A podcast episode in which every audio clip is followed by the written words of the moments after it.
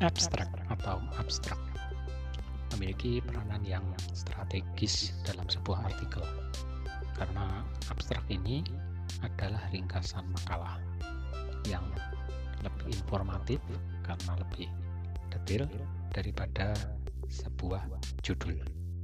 Karena itu, kita harus membuat sebuah abstrak ini yang biasanya sekitar 200 sampai 300 kata tergantung ketentuan dari publisher.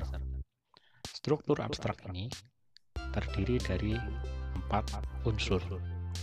Yang pertama adalah pendahuluan, cukup satu kalimat, kemudian apa yang kita lakukan, kemudian apa yang kita hasilkan, serta penutup atau impact-nya.